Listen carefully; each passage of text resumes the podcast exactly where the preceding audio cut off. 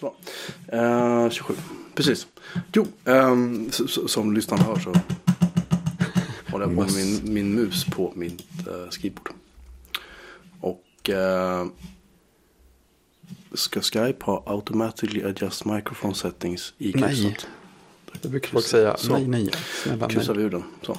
Eh, jo, och vi efterlyste ju för ett antal avsnitt sedan om det fanns någon, någon bra så här, mikrofonbom som passar till min Yeti. Niklas Fast hörde av sig. Han är ju en, han är ju en, eh, han är ju allmänt känd som en, som en klippa. Liksom.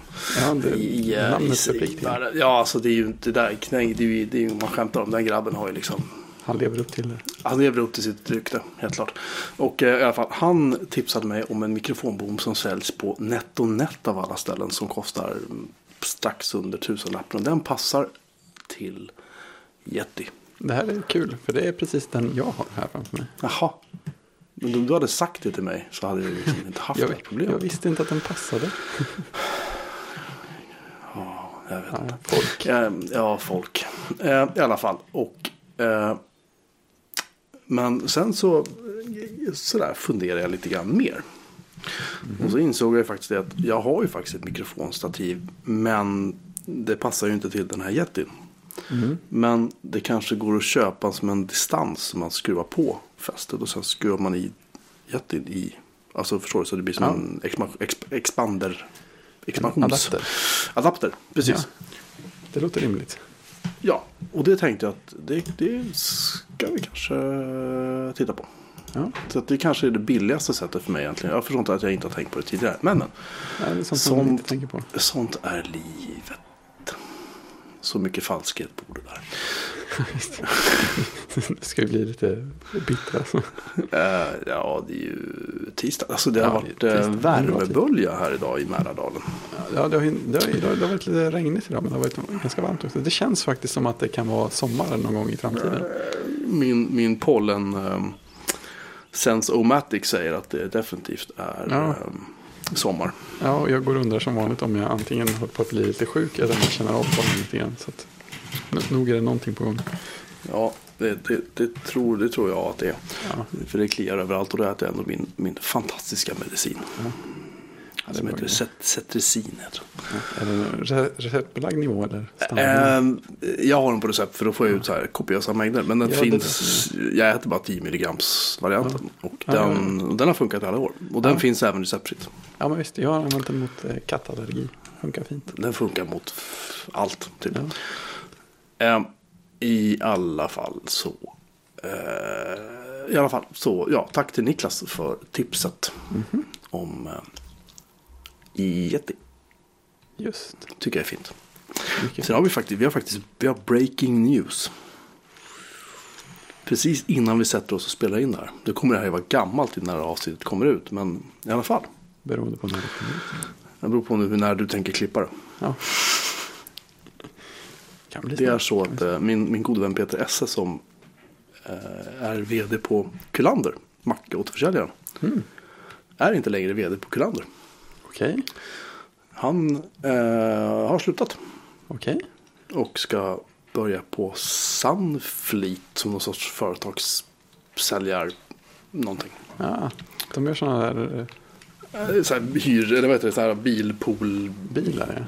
Ja. någonting. Jag tror att det brukar stå sådana utanför jobbet då och då. Ja, ehm, han, har, han, har, han har ju varit kund där själv. Så att, eh, Ah. det passar ju bra. Han gillar Ja. det. Så att, och de verkar gilla honom också för att han, han jobbar där nu istället. Bra betyg. Ja, det får man väl säga. Ehm, så Peter, om du har det här, lycka till. Ja. Jag har, jag har handlat eh, mycket av Kullander genom åren. Jag tycker att de är helt suveräna. De kommer säkert fortsätta vara suveräna även utan Peter vid, vid rodret. Ehm, jag tycker de har varit kanonbra ja. faktiskt. Nog eh, skulle jag våga säga Sveriges bästa oberoende återförsäljare. Nu har jag i och för sig inte haft någonting med dem. Jag vet om i Göteborg, Mackhuset va? Macforum. Mackforum, förlåt. Ja, ja, de är ju poppis. De sägs också vara bra. Ja. De har jag aldrig, aldrig gjort business med. Men, men eh, det faktum att jag hellre eh, beställer saker från Malmö när jag sitter i Stockholm. än att jag det- köper, än jag köper från de återförsäljare som finns i Stockholm. Säger väl en del om hur pass bra och trevliga Kullander faktiskt Ja, det är. får man säga. Ja, jag, jag, jag vet ju inte riktigt hur Macforum är utifrån. För jag, jag råkar känna folk som jobbar där och har jobbat där. Okej. Det, det är fint. Vi har, vi har en kille på jobbet som tydligen är lite smålegendarisk på Macforum. För att han reparerade, räddade data på Brian Adams hårddisk. Oj. Och, och sen tackade nej till biljetter för att han tyckte inte Brian, Brian Adams var så bra. Det är skönt, att ha principer. Det ja, jo, men man, det, det ska man vara. Ja. Man ska vara, en, en, man ska vara principfast. Det gillar vi. Ehm, vad skulle vi säga om det ena och det tredje? Ja, eh, i alla fall. Det var lite breaking news. Jag tänkte jag kommer att skriva om det på min sajt som ingen läser, höll jag på att säga. Eh, och, Alltså, minsann. nej, då. jag tror att det är någon som läser. Ja. Eh, och eh, i alla fall, så det, det, det kommer att finnas info där om det också. Hoppas jag. Japp. när ni läser detta. Jag ska, just det. Eh, jag har ju eh, hållit på och eh, för att göra en lång historia lite längre. Så eh, har jag, jag, har en, jag har ju döttrar, jag har ju barn som bekant. Och min 12-åriga dotter är helt fenomenal på typ Sims och på Sims 3 heter det vad det man spelar online. Jag frågar inte mig. Jag tror att det är det. Jag har bara spelat första sims Eh, ja, det är i alla fall Sims 3 med massa tillägg. Ja. Hon är, är, gillar SimCity och alltså hon sitter med det där i timmar. Men hon har haft min gamla Mac Mini som jag fick en Macbook Pro från jobbet så har hon haft min Mac Mini. Ja. Eh, men den, även om det är en fruktansvärt fin maskin på alla sätt och vis. eh, Så grafik är ju inte dess starka sida. Nej, Kan man, kan man ju säga. Med handen på hjärtat. Eh, och ingen annanstans.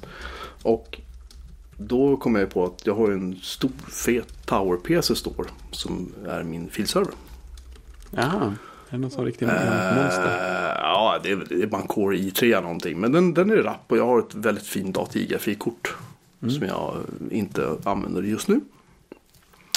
Som inte funkar att använda till en Hackintosh jag vet, men det är en annan historia. I alla fall så tänkte jag att ja, ja, men då gör jag slag i saken och bygger en uh, spel-PC åt henne. Oh. Det var ju bara det att det satt ju mm, 14 hårddiskar i den där. Så att i, i dagarna, ja sen i söndags, eller var det tisdag, sen i söndags har det stått och kopierats dygnet runt till alla nasar och alla diskar och allt överallt som jag har kunnat uppbringa för att kunna tömma den här. Och det jag då tänkte så här. Jag har, jag har, jag har ju fått, som jag nämnde, har jag fått en massa så här Atom. Vet, Lådor, processorer och moderkort och ja. Ja, sådana grejer, just det. Som jag fortfarande inte har skickat till dig. Men det är en Ehm, ja, och det här, jag fick den här fina Intel uh, tjofräsen av, av min kollega. Just det, ITX Oj, själv hur, hur låter det? Låter. Ja, det låter mycket. Här är kylflänsen. Folk som gillar att höra möss och sånt kommer älska. Åh, shit, vet jag. Alltså, men det, är så, det, det är något speciellt med så här helt nytt moderkort. Liksom. Va, Det, Ja, ja, det, det, är, Åh, det var länge sedan. det är svårslaget. Alltså. Fall, så eh, tänkte jag så här. Okej, jag har en, en, en 1US racklåda som är gjord för mini-ITX-kort. Och det här moderkortet har ju då som jag nämnde tidigare endast två SATA-portar. Men jag har ju också en kontroller då med ytterligare fyra SATA-portar som jag kan sätta på det här moderkortet. Och då började en plan att formulera sig i mitt huvud. Och då tänkte jag så här. Då tänker man så här, man kan ju inte bygga storage på en Atom-processor. Den pallar ju liksom ingenting. Men det finns ju ett företag som heter Synology som gör fantastiskt trevliga NASar. Japp. Och jag hade ju en Synology DS1511 Plus. Det kommer jag ihåg för jag, tyckte, jag, jag krängde av den. Det var kanske ett misstag. Jag tyckte väldigt mycket om den här burken. Ehm, Men just då hade jag ingen användning för den. Nej. Vilket jag ju hade haft nu. Och då tänkte jag eh, i mitt stilla sinne att varför inte eh, bygga en egen Synology? För den var nämligen baserad på en Atom-processor och hade bara en gig minne och inte Ja, två det som, räcker bevisligen. som det här fartmonstret har som jag har bredvid mig här. Ja. Eh, då tänkte jag så här, ja de kör ju Linux och så tänkte jag, ah, det kan jag väl bygga. ja, jag har gjort det förut. Och sen så började jag googla så här, Synology DIY. Och då hittade jag en sajt som heter expenology.me. Alltså x-p-e-n-o-l-o-g-y.me. Vi lägger det här i våra, våra anteckningar. Tycker jag, för det är väl ingen som orkar det. Hur som helst, där finns det en, en sorts, eh, hur ska man säga, jag är lite osäker på Vad det handlar om. jag är, lite nej, jag är lite osäker på lagligheten runt det här.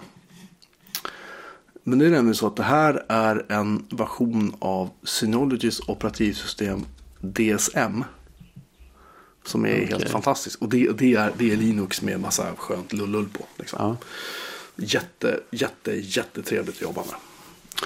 Och ehm, det här är någon sorts fristående version av DSM som jag misstänker att de i princip river ut ur någon Synology NAS någonstans. DSM står alltså för Disk Station Manager, det är inte sexigare än så. Ja. Och det är då en, de har en egen optimerad Linux-kärna och den klarar av att den kan köra iSCSI och NFS och massa paket man kan installera. Det är liksom det är NAS på steroider liksom. Eh, och då så eh, de har då tydligen kommit över på något sätt då operativsystemet och en bootloader. Bootloadern heter då Expenology. Ja, och, den, och den har de komp- nej, förlåt, så här, de har kompilerat ihop den från källkoden som Synology har släppt under, under uh, GPL, eller Ja. licensen. Då. Det finns paket på SourceForge i första träffen. Det känns lite... Eh, ja, precis. Men där ingår inte operativsystemet. Nej, okej. Det kan man eh, däremot ordna på annat sätt tydligen. Enligt den här sajten. Och eh, det är ungefär så långt jag har hunnit titta på det. Jag upptäckte det här idag. Ja, det är en sån här, sån här lite öppet källkodsprojekts eh, webbsida av klassiskt snitt på något sätt. Ja, för att, man har en logga som man spelar på Matrix och sen, sen är det en sån här sida som postar nyheter och det finns ingen tydlig länk eller en liten text som förklarar vad det egentligen handlar om. nej, Så jag riktigt. kom in på länken först så här, XP-Knowledge, undrar vad det här är? Så öppnade jag länken och sa, ja, jag förstår ingenting. Det låter som här scientologi-sajt typ. Nej, Ja, men, det är så här X, XPE Expenology. 5.2-5.644.5 released. så, vad de, så vad de gör är, jag ska berätta mig lite grann då, för att nu har jag hunnit läsa kapp medan vi pratar.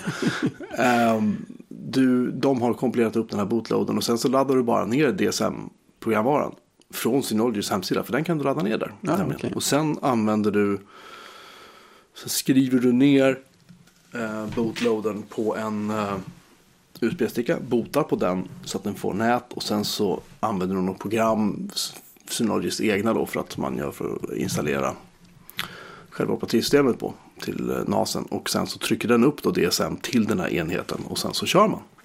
Sweet. Tada! Så ja, enkelt. och det låter ju fantastiskt enkelt i Ja, teorin visst. i alla fall. Så vi får väl se hur det där går. Jag tänkte jag ska faktiskt testa det. Det, Ja. det känns lite kul. Ja, absolut. Så får vi se.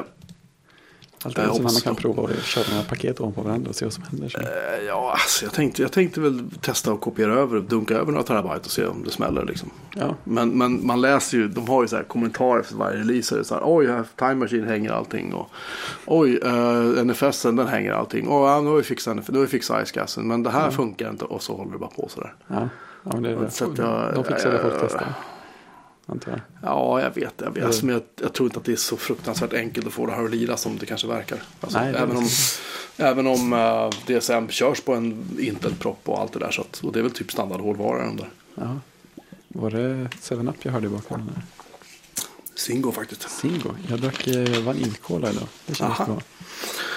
Jag blir sugen på en sån riktig vaniljko- retro Nej, nej, nej du. Nej. Du gillar Fredrik- inte vaniljkola? Fredrik, nu ska vi ha ett. Och så här. Nu ska jag berätta en, en helt sann historia för dig. Du redo? När jag jobbade på datamagasin för oh, 11-12 år sedan. Mm. Så eh, jobbade jag ihop med ett antal väldigt roliga personer. En kille som heter Anders Öhman bland annat. Som eh, numera är chefredaktör för datamagasin faktiskt. Mhm. Han var på PC hemma då. Eller PC borta som vi kärleksfullt kallar den. Eh, han var, sen var det en kille som hette Johan som var min ersättare som testredaktör när jag var chefredaktör på en annan tidning. Och så var det ett gäng kompisar till oss. Så vi, vi bestämde oss, vi lyckades få igenom att förlaget skulle betala För att vi skulle testa varenda cola vi kunde hitta under en helg när vi satt och gameade, åt chips och svinade i största allmänhet. Oh, oh, Så vi satt då sju, åtta man i eh, Johans lägenhet på Kungsholmen och spelade nätverksspel och skrek och svor och drack cola. Till vi i princip hade liksom sår i munhålorna. Ja. Och den cola som var absolut vidrigast, och det här var liksom alla överens om. Det var vanilj Coca-Cola. Oj, oj. Ni har inte För den- mycket cola. För den, jodå, tro mig, då Du- drack vi, då du- drack vi, vi, alltså vi fyllde halva hans kyl med cola. Ja, ja. Jag skickar dig en länk. Jaha, fulkola. Mhm. Eh, ja, ska vi se. Den här. Okej, vi har inte prövat alla cola så ännu. vi, vi prövade alla som gick att köpa på Ja. eh, Vivo vid eh, Fridhemsplan i alla fall. Ja, och det var, det var väldigt många. Så jag tror vi handlade några på Statoil och lite sådär. Ja. Vi fyllde halva hans kyl och det, det fanns ju en och annan flaska kvar när vi var klara. Men i alla fall, den som smakade överlägset vidrigast av alla de här kolorna var Coca-Colas vanilj. Coca-Cola. ja, jag gillade Och, det inte eh, förr i tiden. Men eh, Eh, och det gläder mig att säga att du har varit med och gjort den här sidan sen nu. Det förklarar jag. jag har inte skrivit en del recensioner. Mhm. Eh, och det vi upptäckte var att även om du sköljde ur glaset efter att ha druckit vaniljkola. Så satt smaken kvar när du hällde i en annan cola. Ja. Och det är liksom definitionen av att det här är en vidrig cola. Så Ja. den, den tar vi inte med tång, Fredrik Nej. Björman. Jag var lite förvånad själv. Jag tyckte inte det var så kul när jag, när jag drack Den- när den fanns eh, sådär i butiker lite allmänt förra varvet. Det var ett par år sedan. Men nu, nu finns det ju igen. Och det var mest för att den fanns. Men jag tyckte det var roligt för jag var inne i en vanlig. Jag blev sugen på en gammaldags enkel kebabrulle. Så jag gick in på Ah. ett sånt här litet. Eh, Ja, kan vara, kan vara hur sunkigt som helst ställe som jag bara sett Men förut. det är ju där bästa, bästa kebaben är. Ja, det ska men, vara sunkigt. mm, Liksom. Precis, lite den känslan. Det var, det var en trevlig kebab. Den var inte alls så modiskt tung som de kan vara heller. Det, var, det, var, passade väl. Men där hade de i alla fall mycket fler Coca-Cola-varianter i kylen än jag hade väntat mig. Jag hade tänkt att det Mhm, kanske fanns mhm, vanlig mhm. cola. Men det fanns så här. Eh, Cola, Cola Zero och dessutom Cherry Cola och mm, vaniljcola. Och så, tänkte, och, och så stod jag och tittade på Cherry cola. Ja, precis. Så tänkte jag så här. Ja, men sist jag var i det här läget så tog jag en Cherry Cola. Så det är nog dags att ta vaniljcola nu. Vidrig. Jag har att jag tyckte den var lite god också. Alltså, det räcker ju med en burk, det kan man ju säga. Alltså hur fan är du skapt? Precis rätt skulle jag säga. Kommer du ihåg New Coke? Nej, Nej. du, du, är lite, du, är lite, du missade den tror jag precis. Ja, men hade jag varit cola-medveten då så hade jag nog haft chansen att... Eh, nej, om dina föräldrar, jag tror inte dina föräldrar låter dig dricka, dricka cola. Det, här, den här kom precis när jag började typ hälla i mig. Den, den svarta, Ja, det svarta, guldet. svarta, svarta guldet ja. Eh, livsvattnet. Men det var någonstans slutet på 80-talet va? eller? Slutet på 80-talet någon gång var den kom. Till Sverige i alla fall. Jag tror det fanns tidigare i USA. I alla fall den smakade skit. Ja, och vi, jag ska för tillägga att i vårt test som vi gjorde då med eh, datamagasin och eh, ett all så var det faktiskt så att det var Pepsi som vann. Vi hade en, vi hade en sån här blind, blindtävling till slut. För det, var, Ja, det det, var, det blev ett fruktansvärt bråk om vilken cola som var bäst. Alla hävdade att det var Coca-Cola var bäst och några hävdade att Pepsi var bäst. Och så var det någon som kom dragande med så här, eh, så här Crystal Pepsi eller någonting tror jag fanns så fortfarande. Ja, jag kommer inte ihåg. Men det var liksom, det fanns en uppsjö av konstiga läskedrycker liksom som var cola-relaterade. Men det var faktiskt så att vi körde ett blindtest och Pepsi faktiskt vann vilket orsakade en hel del ångest hos några deltagarna. Det är, som, det är väl ett sånt klassiskt bekymmer. Som ni hör det här, eh, kära vänner, eh, Jocke glömmer aldrig. Nej, vad ska man glömma för? I alla fall inte det. Ja, det var väldigt underhållande. Jag hade, jag hade otroligt roligt åt det. Ehm, i, I alla fall. Okej, så du har druckit vaniljkola. Då, då, ja, Då stryker vi det. Väl om gud. Ja, nästa gång tar jag cherry cola. ska jag göra av det här? Ehm, när vi ändå är inne på sunkmat så, så ska det väl Ja, nämnas att eh, jag prövade den nya. Vi har ju som ett återkommande. Har du hunnit pröva den förresten? Nej. Nej, det stod ju mellan den och kebabrullen. Så jag tänkte Aha, att det får bli kebabrullen ja, ja. den här gången. Det är helt okej. Det är Jag så här. det var här rätt är för det. tillfället. Det är någon jävla dåre som heter Djureskog i efternamn. Som har någon sorts gästspel på McDonalds.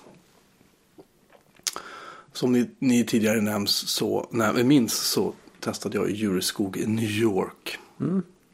Och den hade rostat lök, gul lök, eh, någon sorts eh, tryffeldressing, någonting. Ja, tryffel inom citationstecken tror jag. Eh, det, det smakade ungefär som man skulle kunna förvänta sig.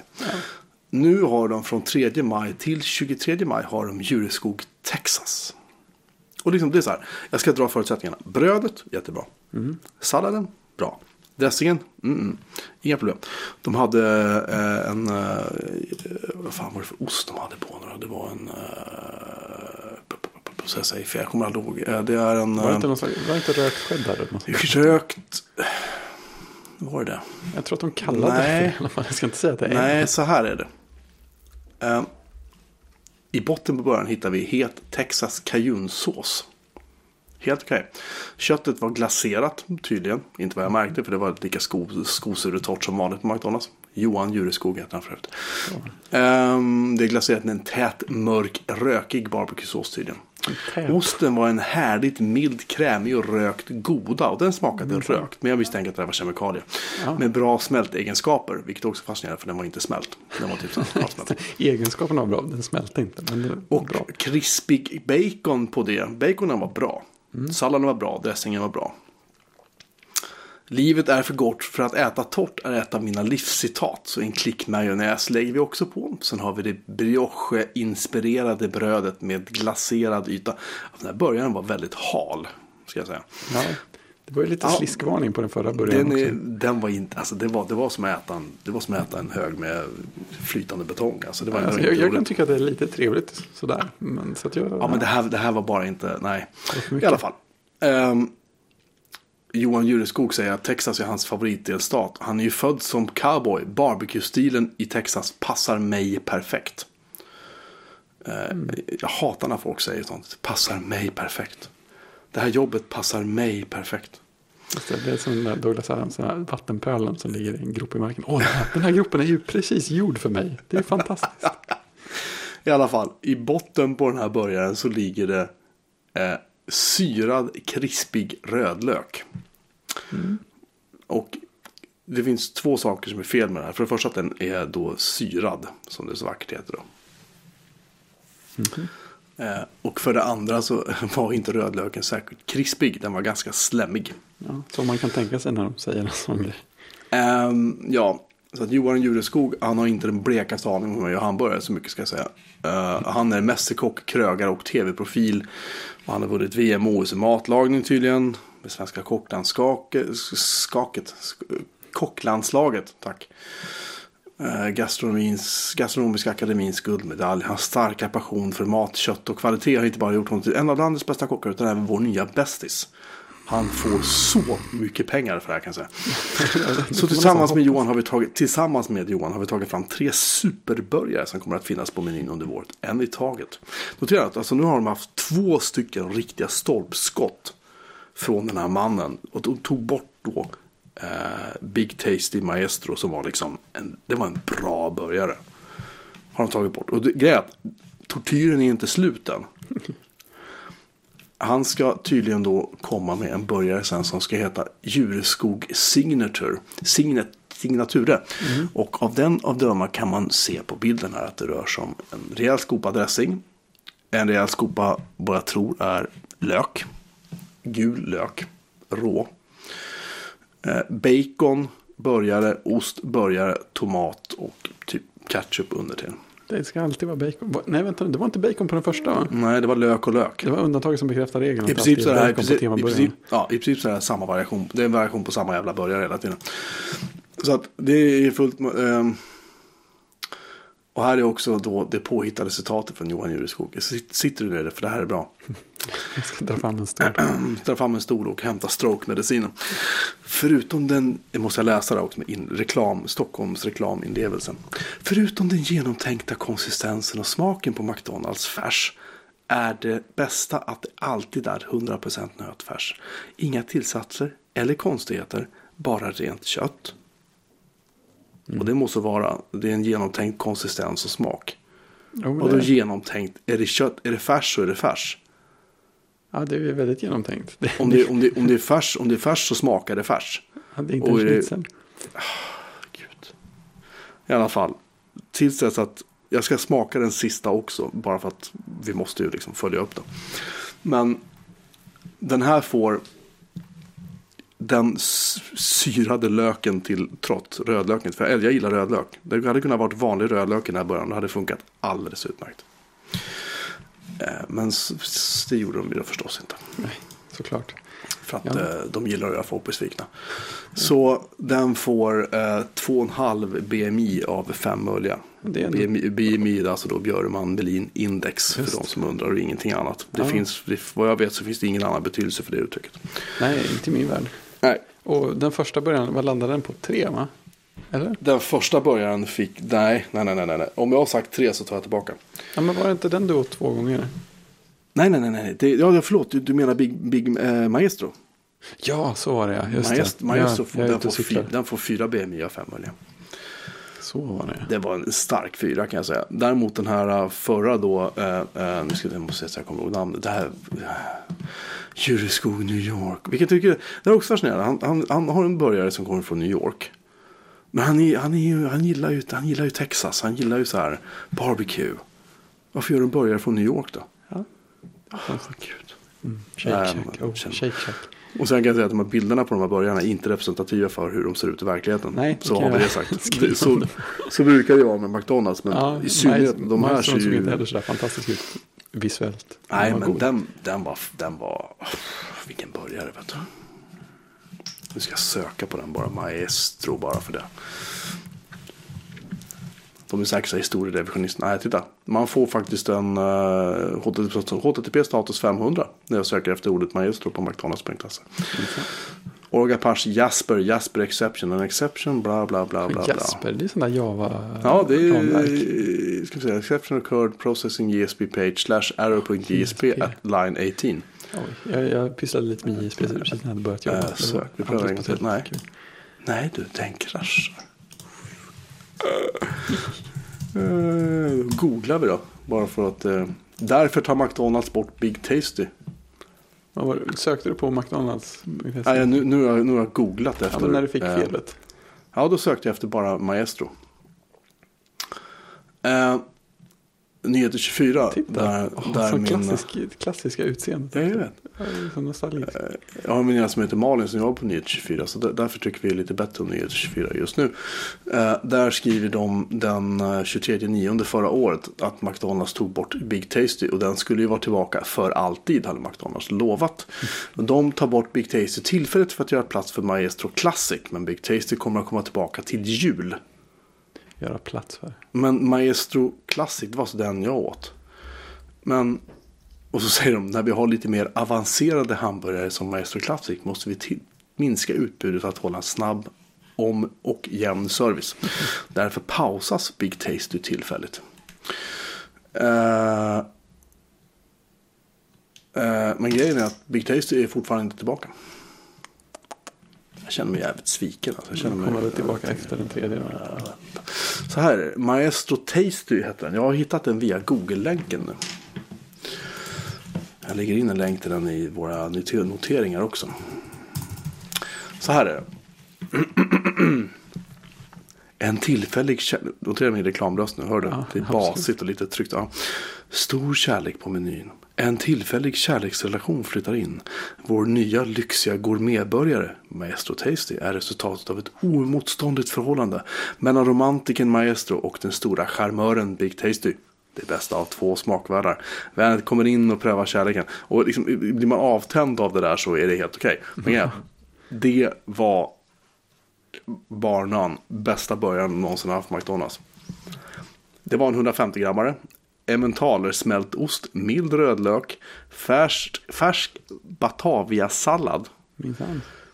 Tasty Glaze och eh, Big Tasty-såsen i ett rostat bröd med karamelliserad yta.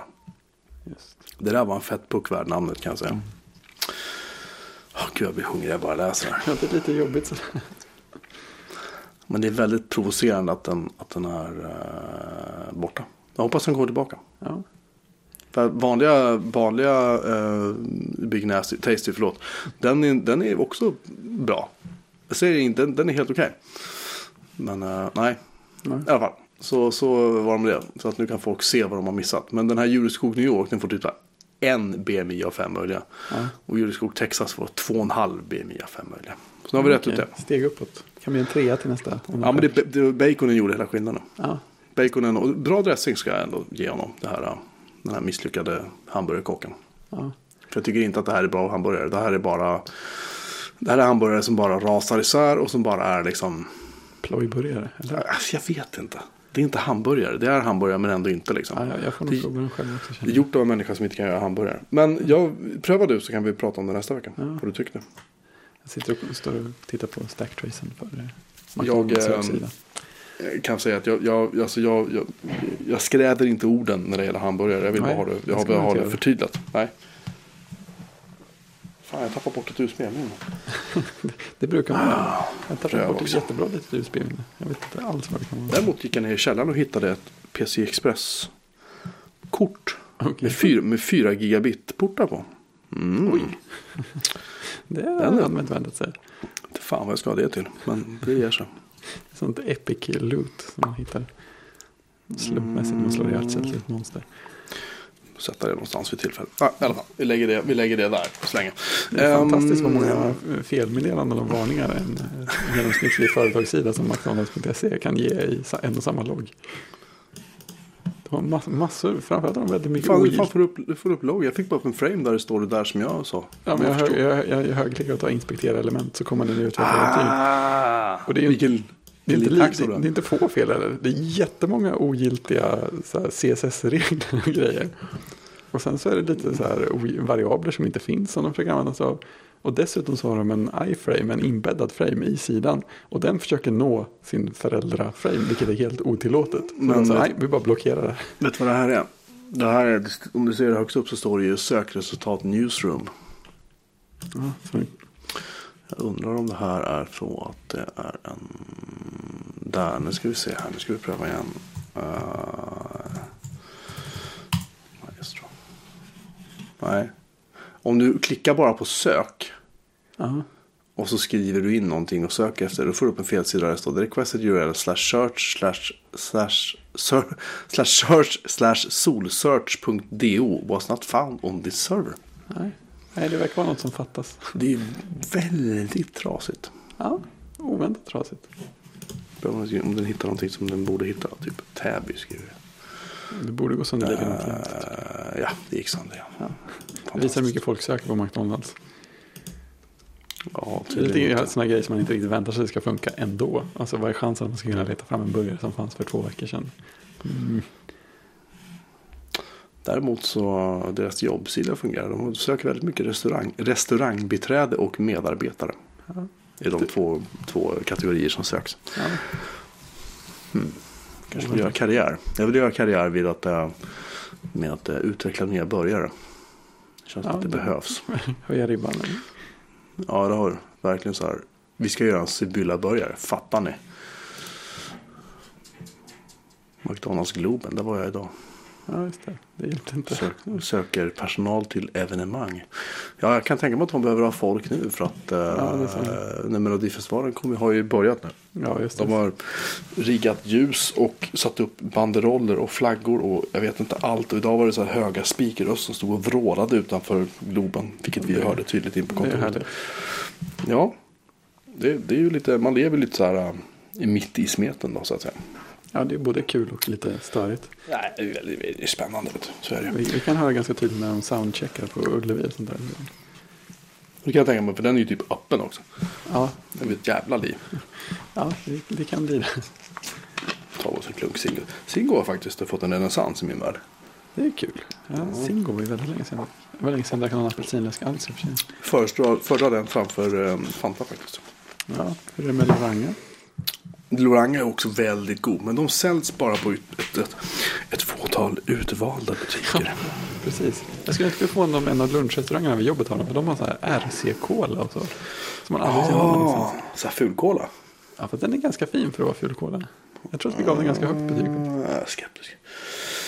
Det fräckaste är att. RC-cola, i Australien eller något sånt där, så fanns det en RC-cola draft. Som Mhm. var lagrad på fat och sådana där grejer. Vi lyckades aldrig få tag i någon sån, men det hade varit häftigt. Ehm, ja, Loranga görs ju av, gjordes i alla fall av Vimmerby bryggerier. Det är rätt. Och det minns jag därför att jag var på Hultsfredsfestivalen några gånger. Och då såldes enbart läsk från Vimmerby bryggerier. Och där var det alltså Loranga. Och så var det en cola som jag inte minns namnet på. Och så var det, det var typ så här kopior av Fanta, Cola och Sprite. Typ. Ja. Men Loranga var grymt bra grogvirke. Kommer jag ihåg. Ja, RC-kolan fick faktiskt bara tre av fem. Det var, det var inte så himla högt. Det Kanske kan, vi utvärdera det en gång till kanske. ja, det kan vara så. Ja, recensionen är från 2005. Så det var bland de första som skrevs. En tidig recension. Den kan ju faktiskt ha blivit bättre med åren. Ja, man kan ha utvecklat smaksinnet också. Sa du- du 2005? Ja, Har ni hållit på med det här så länge? ja det, var, det, var, det då den började. Nu har den inte varit så superaktiv sista, sista året. Men eh, det där 2005 till 2010 var det 2011 12 så var det ganska bra.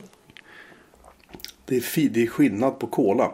Först har vi det vitsträckta havet av fulkolor. Billiga, mer eller mindre kända och i vissa fall till och med ganska goda. Sen har vi baslinjekolorna. Solida märken som Jolt, Coca-Cola och Pepsi. Men vadå baslinje? Det är ju liksom... Cola och Pepsi är ju liksom... Mm. Ja, men det, de, de måste ju ändå vara baslinjen på något sätt. För det är de man refererar till jämt. Ja, Jag tänkte, jag tänkte som det var någon sån här medianer eller Nej, medel alltså bra. Coca-Cola har Eller... ju fått ett högt eh, betyg också. Så att, En del skulle kanske anse att skalan slutar här. Ja, precis. Men det finns mer. Melin skulle kanske ha inte sett skalan sluta. Ovanför de vanliga kolorna hittar vi kolasorter som är en njutning i sig själva. Kolor som grevar och baroner kan plocka fram från kolakällaren för att smutta på i sina enorma skinnfåtöljer efter en särledes lyckad rävjakt. Eller något. Finkolor, sagt. Fan, ni skriver ju. Det här är ju vackert. Det är ju poesi grabbar.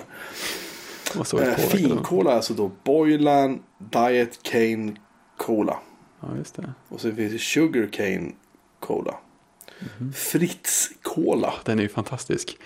Och det står Vad fick- fil, fil, fil koffein på den. Mycket, mycket fick, koffein. var fick man tag i den? Ja, den finns här och där. Jättegott. Den- Aldrig sett. Nej, men eh, så här, i början när vi, vi hittade den på Lagerhaus första gången av alla ställen. Där fanns den ett tag. Och sen fanns den, den jag har sett den så här i kios, kiosker och småaffärer ibland. Det roligaste var när jag var i Paris förra året. Så jag var ute och gick och sen på ett torg så stod det en Fritz Cola-bil. och så, som en liten kiosk och sålde Fritz Cola också. Det var ju fantastiskt. Få fan. Curiosity Cola. Ja, den är fin. Den finns i sådana engelska butiker typ. Och sådär. Eh, Urban Deli tydligen. I 2013 skriver Klara att den finns på Urban Ja. Deli. Eller Good Store. Det låter rimligt ja. Eh, English Shop. Uh, Hemköp Ryd i Linköping fanns den tydligen där då. Ja, just det. Aldrig smakat. Jag som ändå var någon sorts kolaexpert i mitt tycke. Uh, Fulkola. Ja, du hörde lite i det. Den här sajten är ju fantastisk, fantastiskt rolig. Ja, det- Jag måste ju komma, kanske åka ner till Göteborg och diskutera cola vid tillfälle. precis. Se om jag minns någonting. Jag, jag, kan få att det har gått ut för mitt smaksinne de sista åren. Jag vet inte riktigt om det är så eller om det är bara jag som, jag som tror. Jag kan tycka att jag, jag kan få för mig att jag hade bättre, här, skarpare smak och doft för några år sedan än nu. Men jag vet inte riktigt vad jag skulle hänga på. Intressant fråga. Varför har ni inte testat Dr. Pepper? Det är ingen cola. Just Dr. Pepper, vilket Dr. Pepper ges det ut av Coca-Cola Company eller Pepsi? Det är väl... Eller är det fristående? Mm, jag får för mig att det är Pepsi. Men jag är inte... Nu måste jag kolla upp det. För, för min, ja, min dator de har ju snöat in på eh, Mountain Dew nu. Ja, just Och det. den tycker jag smakar som typ Sprite eller 7 fast med ännu mer socker i. Fast mina smaklökar det Ja, säger, just det. Men det Dr. Pepper verkar vara sin egen. De, Dr. Pepper Snapple Group. Snapple. Mm. Ja, det är ju den här juice... eh, Ja, det är något sånt. Mm. Mhm. Mhm. Vad spännande. Ska vi se vad ni skriver om. Kolla, ni är faktiskt Pepsi bra betyg här. Ja, Den är så god. Alltså jag har inte druckit cola på Nej, just det. ett och ett halvt år tror jag. Ja. Jag kommer inte ihåg nu när jag slutade men det var väldigt länge sedan i alla fall. Ja. Så ett betyg är smak. Full. Utseende. Full. Full. Så, skicka. Jag bara jag fuckar upp i det här betyg lite. Det är bra. Jag tycker att Pepsin är liksom. Jag tycker att den är.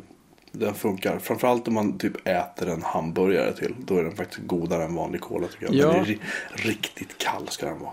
För det kan jag tycka att Coca-Cola är kanske mer flexibel på något sätt. Den, den går liksom alltid ner och alltid så här lättdrucken.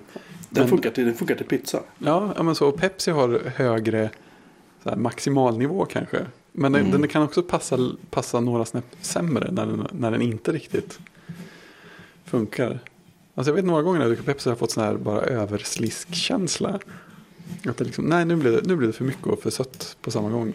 Och det, det känns inte som att det händer med Coca-Cola. Nej, nej men det, det, det är allround-cola. Liksom. Mm. Men nej, jag tycker Pepsi är lite mer konnässör-cola om man ska, vara, om man ska bråka mellan de två. Då. Men det, är bara, det är bara min åsikt. I alla fall, eh, detta vet jag, hittade en trasig sida också hos er. Ja, coolt. Ehm, du har ju faktiskt, vi har ju börjat spela ett spel tillsammans. Ja, eller parallellt eller något. Det är ju lite, det är lite roligt. Ehm, Fantastiskt. Jag nämnde ju det för dig i för två avsnitt sen va?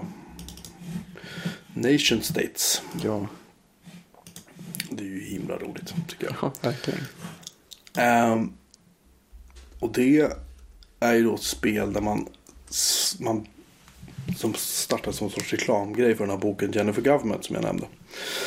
Eh, som är skriven av Max Berry. Jag har för övrigt börjat läsa om den här. eh, Donut. Eh, nej, inte Company heter den. Där, som handlar om, börjar med att det är en, en munk för lite i munklådan. Ja, den, är, alltså, den är så fru... att varje gång jag ligger och läser varje kväll så tänker jag så här, den här måste Fredrik läsa, han kommer garva häcken av sig. Den är så, och alla andra också hoppas jag, den är så rolig. Den är så fruktansvärt rolig. I alla fall så eh, startades det här Nation States som en sorts reklamgrej för Jennifer Government. Och eh, där kan man då skapa sig en nation och sen så får man ett antal frågor om flagga och vad den ska heta och lite sådär. Liksom. Om jag inte minns fel nu. Rätta mig om jag Ja, har fel. stämmer så. Eh, och sen så får man varje dagar fem stycken alltså, frågor man ska ta ställning till. Ja, inte Det kan- tillräckligt många. Nej, jag tycker det skulle vara fler också. Ja. Ehm, I alla fall, och då så handlar det om typ. eh, det är för vå- våra gamla, våra gamla eh, medborgare. De har för lite pengar. Eh, vad ska vi göra? Liksom, typ så. Ja. Och så kommer det första och säger att vi måste ge dem mer pengar för de har arbetat hårt. Och så, här, lalala, liksom. och så kommer den andra och säger att eh, eh, nej men alltså de får ju skylla sig själva om de inte sparade pengar när de jobbade. Och den tredje säger nej nej men de får ju arbeta liksom. så alltså typ straffarbeta för att de, för att de inte liksom, sköter sig. Och så väljer de ju liksom bland de här tre eller fyra eller fem valen då som det är varje fråga. Ibland tror jag till och med bara två val. ja, det är lite begränsat ibland. Ja, eh, och i alla fall. Och sen så när man har gjort sitt val då så kommer det upp en sida med en sorts ja, löpsedel nästan kan man säga. Det hade de inte när jag började spela för massa, massa år sedan. Nej, okej. Ehm, och då står det liksom någon sorts reflektion över liksom, vad blev resultatet av att Ja. du gjorde det här. Eh, och sen kan man också liksom säga då vilken typ av stat man vill ha också. Ska jag också tillägga någonstans. Ska det vara en diktatur? Ska det vara liksom en Ja, just det, det sätter man i utgångsläget där. Ja. Ja, Alltså demokratiskt himmelrike. Ska det, alltså det finns ju en massa olika varianter. Liksom. Eh, och jag, jag tycker det är så roligt att spela den här eh, totala diktaturstaten. Liksom, där folket, folket förtrycks bortom all rim och reson. Så jag döpte min, döpte min stat till Sufferance. För det är suffering. Tyckte jag var roligt. Eh, och jag ska se hur, vad som står nu. Suffer me now. Det står så här. The dictatorship, dictatorship of sufferance is a small orderly nation renowned for its enslaved workforce, compulsory military service and restrictive gun laws. The hard-nosed, hard-working, cynical population of 32 million suffragians are ruled with an iron fist by the corrupt dictatorship government which oppresses anyone who isn't on, a for- on the board of a Fortune 500 company. Large corporations tend to be ab- above the law and use their financial clout to gain ever increasing government benefits at the expense of the poor and unemployed. Um, graffiti artists spend lengthy periods of time in jail. Senior citizens can usually be found doing heavy manual labor. Shanty towns are forming in the suburbs of major cities. Det var för att, eh, jag tror det var så här, flyktingar skulle inte få bidrag eller någonting. Vilket ju tyvärr är ett ganska aktuellt ämne. Det var inte därför jag valde det. Jag valde det mest bara för att alla ska förtryckas. And the scenic Lika för mountains. Lika för alla. Scenic mountain valleys are flooded with water as damming projects get underway. Crime, especially youth related, is totally unknown thanks to a well-funded police force. Så det är så här, militären, polisen och förtryck liksom. Det är så här, det är bara att köra. Jag har faktiskt, jag har faktiskt en ny issue. Live! Live. Breastfeeding in public, innocent or indecent. Det här kommer inte gå bra. Uh, a young mother was recently thrown out of a restaurant for publicly breastfeeding her baby and upsetting the customers. There are now demands for the government to state their position on the issue. Och det är då det första valet att eh, det är minst, ska minsann vara okej att amma barn offentligt. Och den andra säger då, det här, nej, det här är bara fel, fel, fel, fel. Kvinnorna ska täcka sig och liksom ska inte hålla på att amma barnen. Eh, sådär. och sen kommer den tredje då. Eh, jag har, inte, jag har ingenting emot att mammor eh, ammar sina barn offentligt. Men eh, varför jobbar de inte medan de gör det? Typ så. Självklart väljer jag ju den. Can you imagine policewomen doing, do, doing, doing this on the job? Doctors, politicians. Mark my words, this is a bad, bad, bad path to take and will ultimately be, be disrupted to the national economy and my bonus. Accept. Så, då tar vi den. Breastfeeding, breastfeeding mothers are replacing smo- smokers to loiter outside the working place. The workplace. Som amningsruta. ja, det är fint. Ja, nästa issue är om fyra timmar tydligen. Ja, det är jättejobbigt. Det är väl 41 fem minuter. timmar kvar för mig.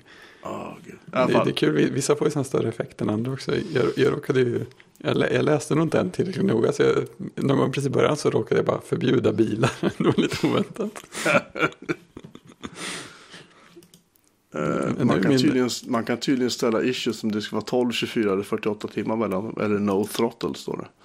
Jag vill ha oftare. Ja, det går inte. Ja, det måste ju no throttle vara den som är oftare liksom. Ja, ja just det. Känner jag.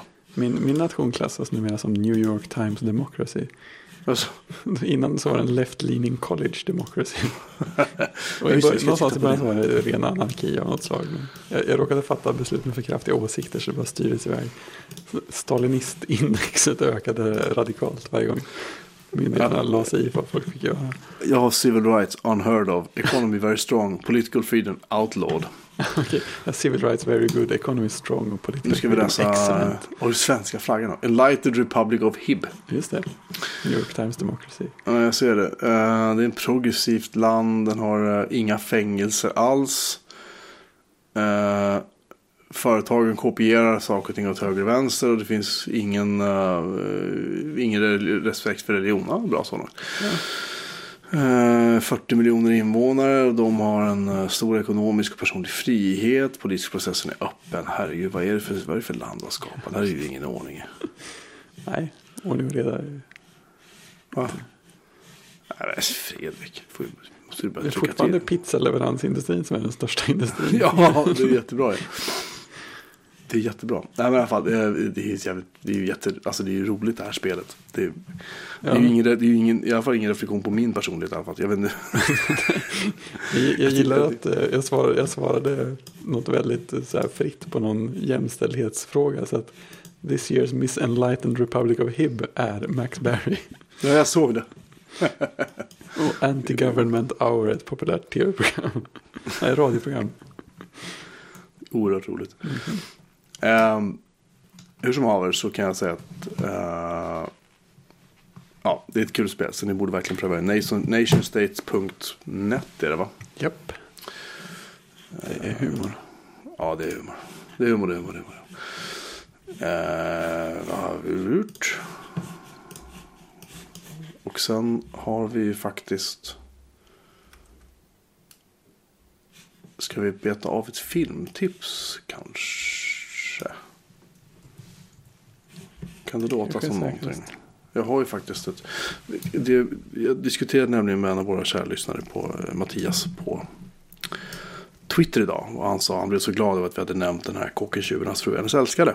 När Ah. vi pratades vid för en vecka sedan. Han sa Åh, vi har samma filmsmak du och jag. Och då tänkte jag så här, nu ska jag hitta en film som man garanterat inte har sett. och det är en film som heter Bad Boy Bubby. Jag har nämnt den tidigare men jag tar upp den som en, en film som nog faktiskt borde ses. För att den, även om den är lite så här, den är inte så lite, den är jävligt skruvad. Men så har den ändå, den är fantastiskt välgjord. De första 30-45 minuterna är smärtsamt jobbiga att se. Alltså, Oj. det är alltså en, en pojke som har vuxit upp till att bli en man. Och han har vuxit upp i, eh, inspärrad i ett litet rum i hela sitt liv. Oh. Där han bara bott med sin mamma. Och mamman har då lurat i honom att världen utanför är full av gifter och, och eh, så här, han kan inte gå ut för vi har bara en gasmask. Typ så. Ja. Och en skyddsdräkt. Eh, och så är det inte mer med det.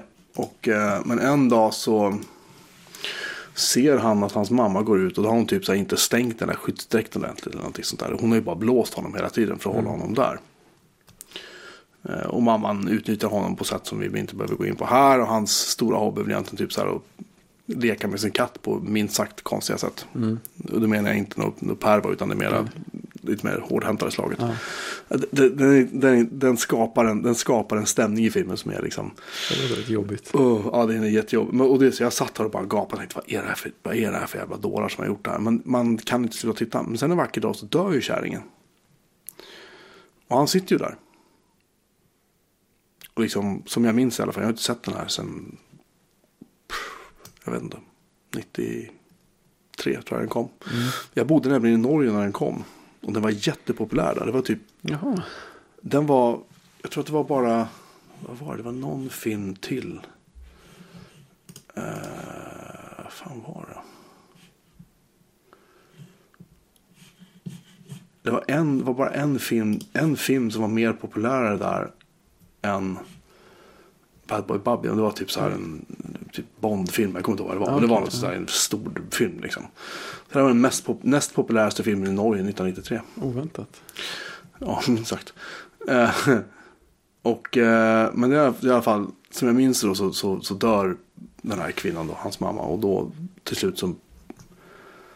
Jag för mig att han tar på sig gasmasken eller någonting och så går han ut. Eller om han bara går ut, jag minns inte. Och så upptäcker han att men det är ju helt, en hel värld utanför. Och då ska han bara upptäcka den här världen. Som han ju inte har en aning om. Nej. Han vet ju ingenting. Och den är, den är, den är de har tydligen bytt eh, folk som har eh, alltså regisserat fotot och så. Har de använt typ så här, tror det är som har använt typ så här 70 stycken eller någonting olika. För de ut, för de jag vet inte om det stämmer men det var det jag läste. För just utomhusscener för att de skulle få eh, en ny liksom, för att de inte skulle få samma stil på alla scener och sådär. Det skulle vara för, för på något sätt skapa då en, för att det skulle vara förvirrad, ah, man skulle kunna sätta sig in i hur förvirrad han kände sig. Ja. Typ, typ så. Ehm, den går att få tag i lite här var. Den inte, jag tror att den var jag tror den var typ förbjuden eller någonting i Sverige först. någonting. Och sen så tog de bort det och hej och hå liksom. Ja. Men den är väldigt, väldigt sevärd. Tycker jag. Ja.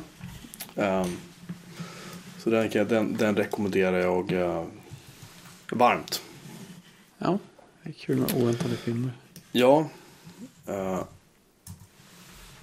sen tänkte jag på en rulle. Kanske en varningsrulle eller? En varningsrulle.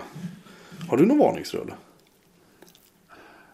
Ja, det är en bra fråga. Det var länge sedan jag såg den. Jag är dålig på att se riktigt dåliga saker. Du, du är så tolerant liksom. Nej, det är nog mer att jag kollar upp först. Jag, jag tittar nog bara på saker som jag tror att det finns en viss chans att jag gillar. Eh, Ja, jag har något, jag har något vagt minne av något som jag såg som bara var så här. Man satt nästan mådde dåligt av att titta på. Eh, nej, nej, det jag förträngt. det. Får gå i terapi. Skaka fram eh, förträngda minnen av jobbiga filmer. Vi ska se här om jag inte jag kan komma på. Jag vet att jag satt och tänkte på det idag. Ah, nej, nej, nej. Eh. ja, nej. Jag kommer inte ihåg vilken av, men vi kan ta, vi kan ta liksom ett gäng. Vi kan faktiskt dra, dra en hel filmserie över en kam. Mm. Och det är eh, alla upp... Oh, shit, jag får ju minnesluckor här så jag bara sjunger om det. Nu ska vi se, jag måste ju... Skönt att Eh, det bara är jag. vad sa du? Skönt att det bara är jag. Vad heter han? Eh, den första vi ska varna för är ju remaken av Robocop som kom förra året. Ja, den var inte så bra. Den var skit. Ja, det, var- det, var, det var ju helt, helt meningslös. Samma story fast Fast Typ. sämre. Ja, och sen gjorde ju eh, han som gjorde originalet, Paul Verhoeven. Just det. Han, han är ju inte helt frisk i huvudet. Alltså på ett bra sätt. För de som inte vet har han gjort klassiker som Total Recall, Robocop, Basic Instinct och Starship Troopers. Starship Troopers, ja. Oj, den skulle jag kunna se om. Den, den, är, den är rolig. Den bygger på en bok av Robert A. Hein, Robert A. Heinlein. Jag har inte läst den boken. Vad jag har förstått så är det. Den är tydligen lite så här. Den har lite sådär halv fascism flört typ. Om det, om Ja. det, är- om, jag tror inte han Heinlein var sån som person. Men han, i filmen så är det här ett väldigt fascistiskt samhälle. Där det, liksom, det, är så här, det är vi mot dem och det är liksom militären styr allt. Och liksom Ja. ange varandra och liksom hela, du vet, vi ska, vi ska erövra hela jävla universum helst. För Ja, att precis. vi är bäst. Så. Do you want to know more? Do you want to know more? Eh, och ehm, om man är då inte en medborgare, vilket innebär ger en massa bonus då. Om man inte har antingen gjort militärtjänsten eller det var någonting annat minns jag i den där filmen. Jag kommer inte ihåg. Man ska göra militärtjänst två år eller man ska vara typ så här Något annat, ja. något annat, typ rik eller någonting. Jag kommer inte ihåg det var. Men i alla fall, då så. Den, och den är ju den är faktiskt roligare. Alltså den, effekterna har ju inte direkt hållit då, om jag säger så. Nej. Men den är väldigt rolig. För Ja. att Paul Verhoeven, han, och du tänker på hur många filmer han kör det här, att det är reklamavbrott mitt i filmerna. Ja, det är ganska vanligt, ja. Han, det, gjorde, det funkar. han gjorde Robocop Ja. i Total Recall. Han har gjort det i Starship Troopers.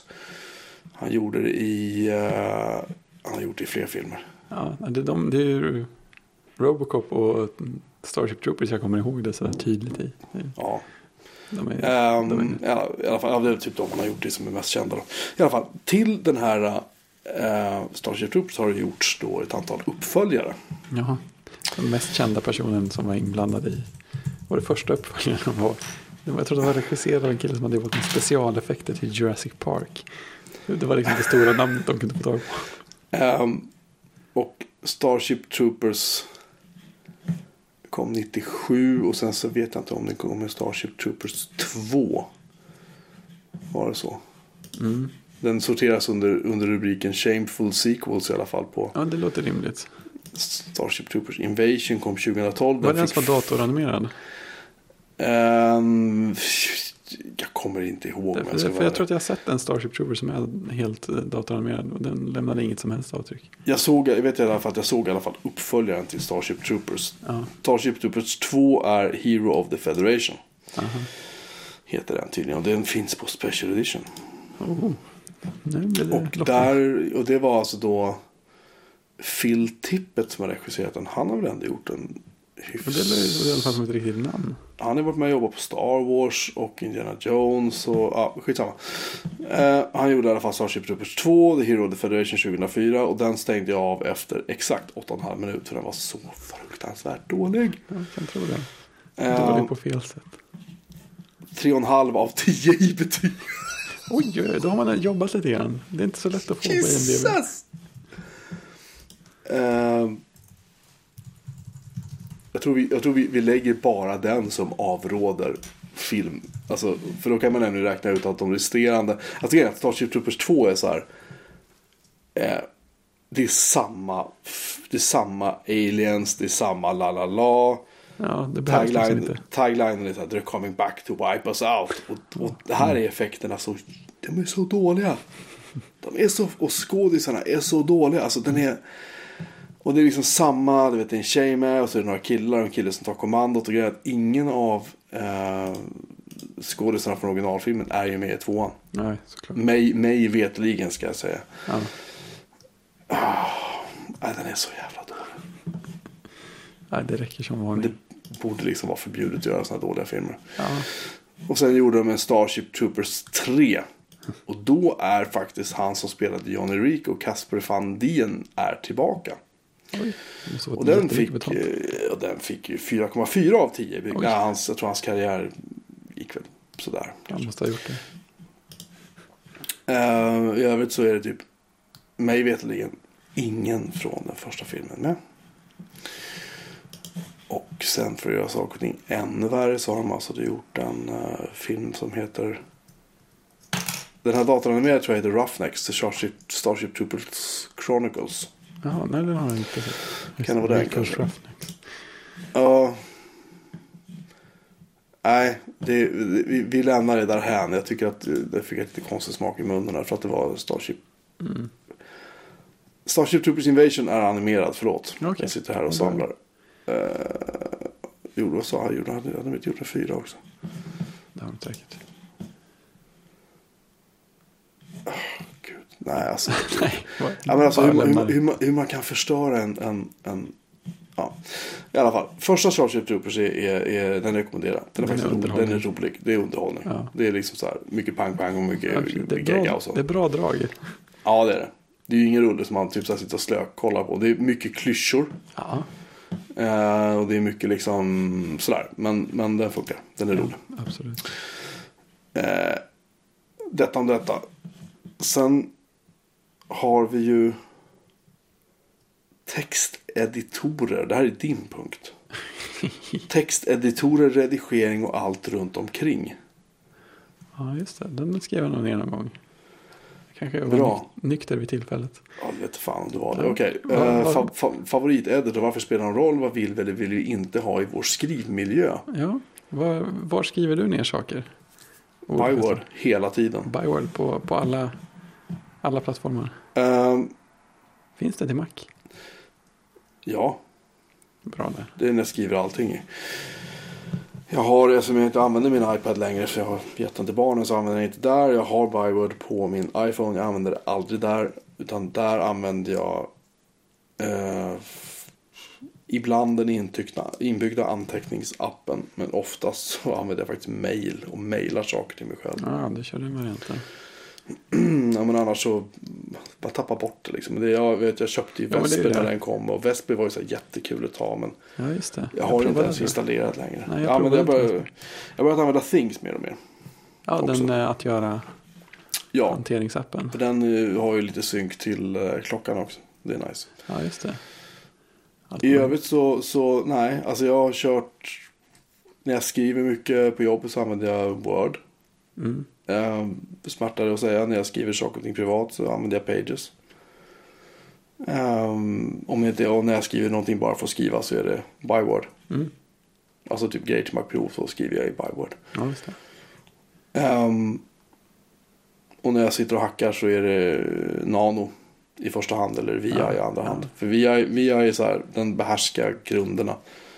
Ja, Ehm, det gör inte jag. Eh, Jag tycker den är, den är rätt okej när man väl har liksom vant sig vid att jobba med den. Så funkar den så. Ja. Men jag tycker Nano är bättre just för att man kan.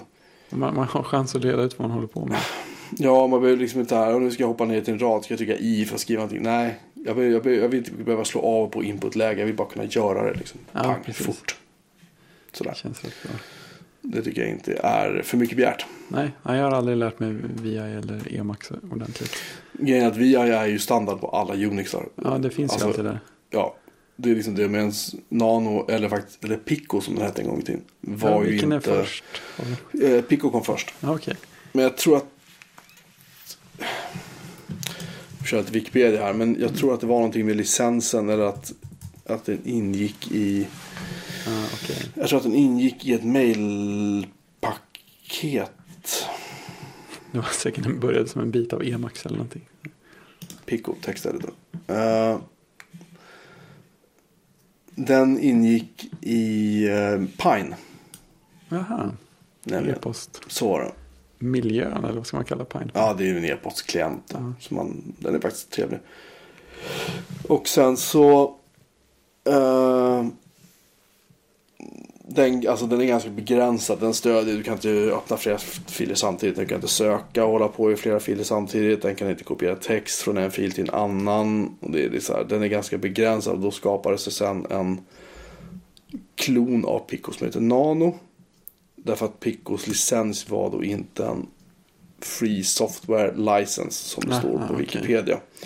Så det var ju fel licensmodell antar jag. Ja. Numera har Pico släppts under Apache-licensen och det är en del av ett, paket som heter Alpine som jag gissar är ett mailpaket. Ja, det är det. Och det är också University of Washington som har utvecklat den. De hade även då utvecklat Pine. Ja, Ehm, så i alla fall. Eh, jag gillar Nano skarpt. Jag tycker den är riktigt trevlig. ja, men det är det jag använder också Pico Nano de gånger jag är inne i så terminalmiljöer. Och bara, för då är det ofta så, om jag har tillgång till något annat så är det ofta bara någon liten inställningsfil någonstans jag behöver redigera. Då, då räcker de ju ganska gott.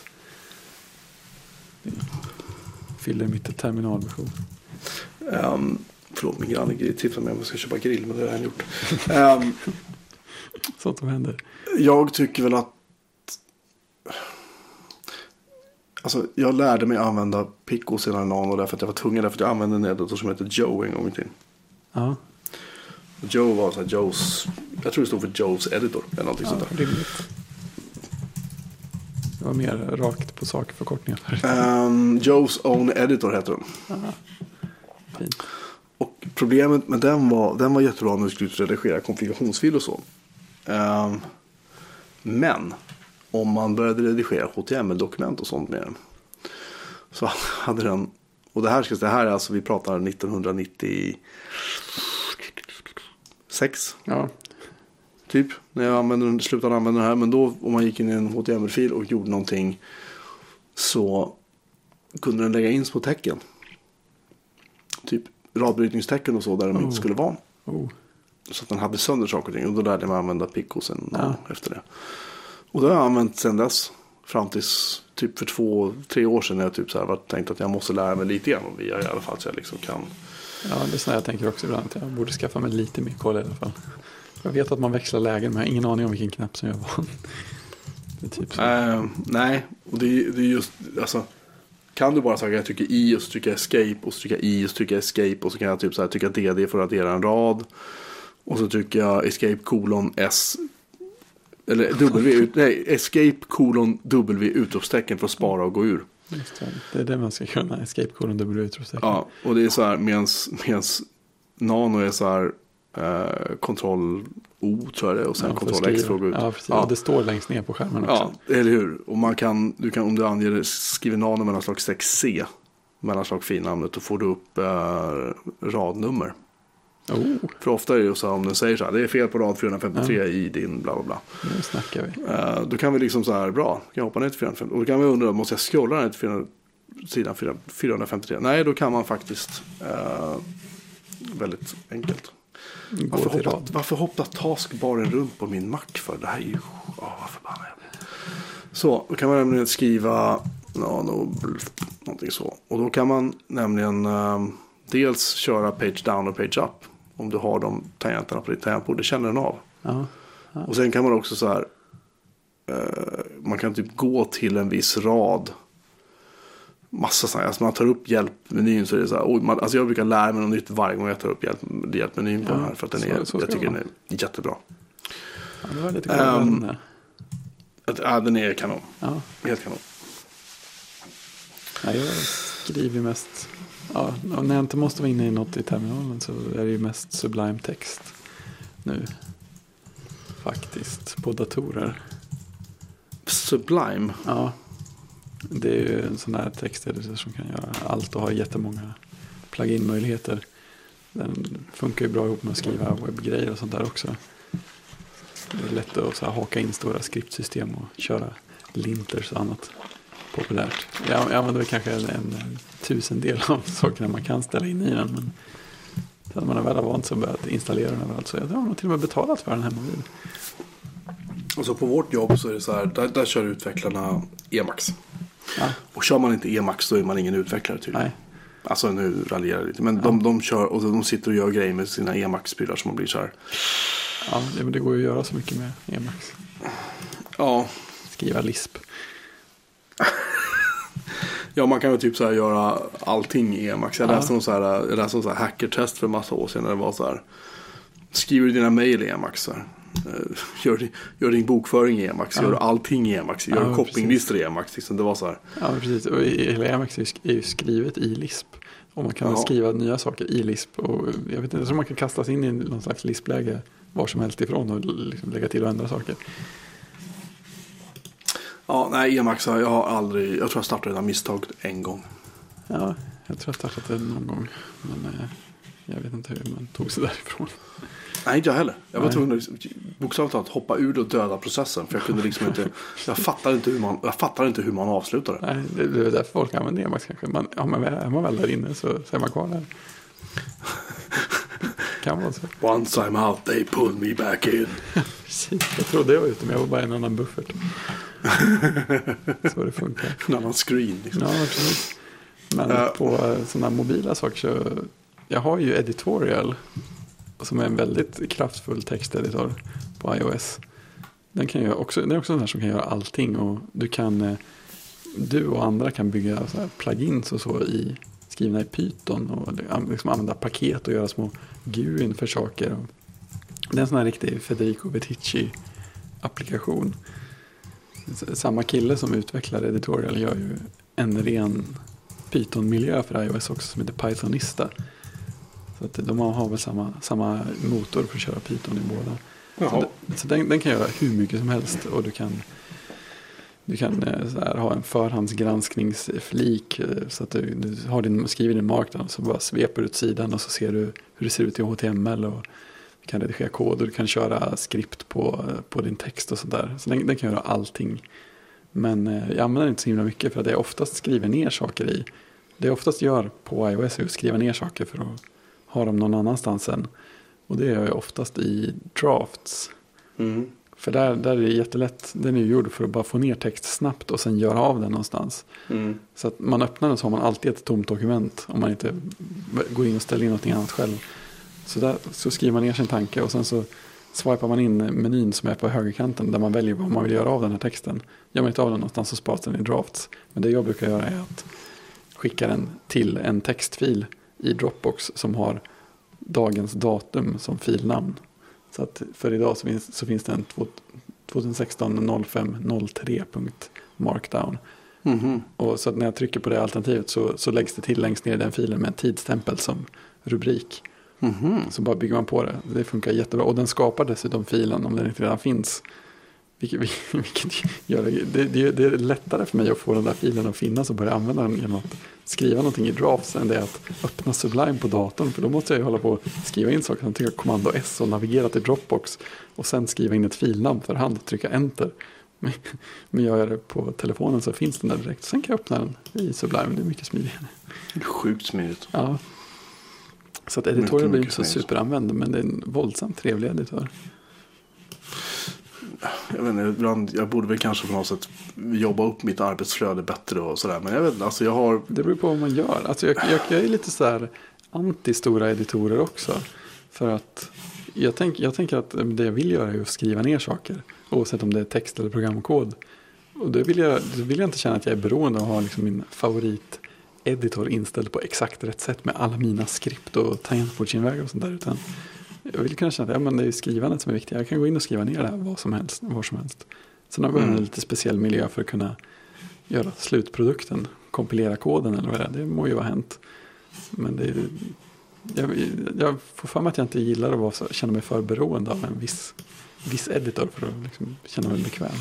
Det gillar du nämnde det här just med, med att kunna se markdown. Mm.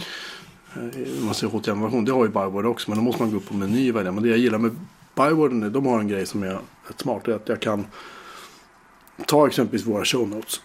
som är skrivna i markdown varje vecka. Mm. Och så kan jag ta en, gå upp på file. Så kan jag säga så här, export to HTML. Ja, och då läggs det i min cut and paste buffert. Ja, Så paste, paste jag bara in den råa koden på vår hemsida.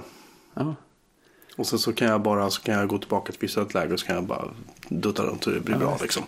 Eh, Men så, jag tycker det är ganska, jag tycker det är så smart för att den, eh, den är ganska, alltså ja det är en smart enkel funktion men jag skulle ju gärna vilja kunna ha en, en, en knapp så jag bara trycker på och säger nu visa mig HTML preview. Liksom. Ja, just det. Och det är väl lite så editorial gör när man har ställt Ja. in det på exakt rätt sätt.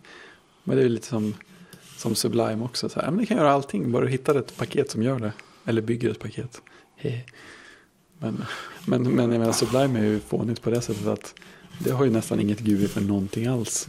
Du kan lägga till tangentbordsinvägar när du väl har byggt någonting. Men varje gång du går in i, inställningar så är det ja, i preferences-menyn så är det först browse packages för att installera nya paket såklart. Mm. Sen så har du settings olika nivåer, så default user och mer därtill.